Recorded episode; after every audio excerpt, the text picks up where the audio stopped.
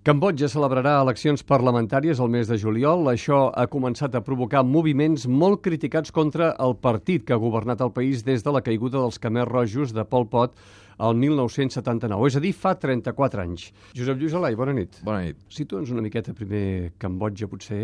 Quin és el seu marc cultural, quin és el seu, el seu marc geogràfic, també? Sí, Cambodja és un país que es troba doncs, entre Tailàndia, Laos i Vietnam, va formar part de l'imperi colonial francès durant gairebé un segle, va assolir la independència el 1953 i probablement de tots els països que tenim en aquesta zona del sud-est asiàtic és el que culturalment i des d'un punt de vista artístic i religiós va tenir més transcendència tot el sud-est asiàtic. De fet, la cultura, en bona part tai de Tailàndia, la cultura de Laos, són hereves de la cultura Khmer, que és com s'anomena la llengua i també l'art i la cultura d'aquest país que entre el segle X i el segle XII doncs, va ser una de les nacions més pròsperes que va donar lloc al famós temple d'Angkor Wat, que vull recordar que és el complex com a temple més gran de tot el món de religió hindú, perquè va tenir una fortíssima influència a la Índia sobre aquesta cultura Khmer de Cambodja,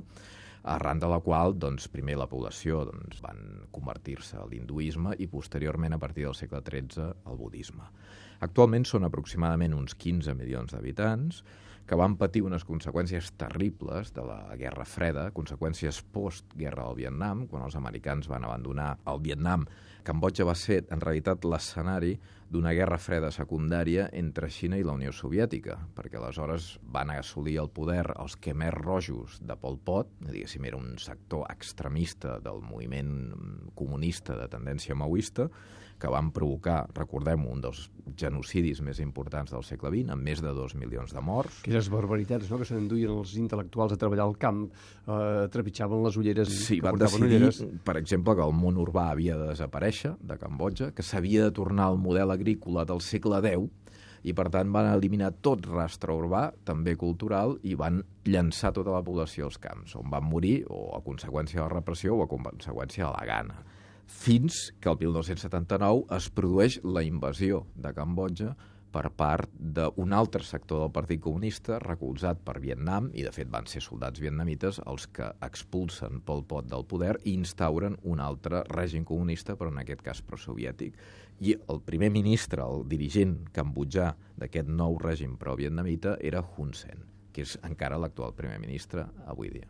Llavors, podem creure'ns l'aparença que les coses van millor, de que certament tenen una democràcia, o és irreal aquesta democràcia? Clar, Hun Sen és un personatge, doncs el podríem definir com a mínim de camaleònic, és a dir, es va adaptar d'un partit comunista prosoviètic a un partit que ara li diu Partit Popular de Cambodja, que és una reconversió d'aquell antic partit comunista, però que accepta el retorn de la monarquia, del mític rei Norodom Sihanouk, que va acabar abdicant, per cert, l'any 2004 i va deixar el tron en mans del seu fill, que és l'actual rei, que és una figura purament decorativa, protocolària, però que manté doncs, el tradicional règim monàrquic antic de Cambodja. Però ell, de fet, és el primer ministre més antic que hi ha a l'Àsia porta governant des de la invasió vietnamita i ha anat reconvertir-se i adaptant-se al que és una actual monarquia parlamentària, però en la qual des dels darrers anys s'ha detectat una tendència a conformar una nova dinastia. En aquest cas seria la dinastia de Hun Sen, que reparteix càrrecs i candidatures per les properes eleccions del mes de juliol entre tots els seus fills, que promociona el fill gran com el seu possible successor. Això no només ho fa ell, sinó que ho fan alguns dels grans dirigents del partit, i per tant comença a haver-hi la sensació no?, de que retornem a un elitisme, en aquest cas doncs, d'aquest partit del poble de Camputxea, que és l'actual governant, i per tant el sistema democràtic perilla. És a dir, es creu doncs, que realment el que vol Hun Sen és, és acabar amb un règim de partit únic altre cop. No? I el rei? Clar, el rei va abdicar el 2004, va morir tot just fa un any, a Pequín, va mantenir sempre una posició, malgrat que era el líder, el considera el que va encapçalar la independència de Cambodja, posteriorment va adoptar una posició molt favorable a Pequín, tenia una relació molt estreta amb Mao, en certa manera doncs, se'l fa responsable d'haver tolerat eh, l'arribada dels Khmer rojos, després va adoptar doncs, una posició tan ambigua amb ells, i finalment, com tots, es va acabar adaptant al nou règim de Hun Sen. Però pràcticament no vivia mai a Cambodja, no vivia a Phnom Penh, sinó que vivia a Pequín, que és on va morir l'any passat, el 2012.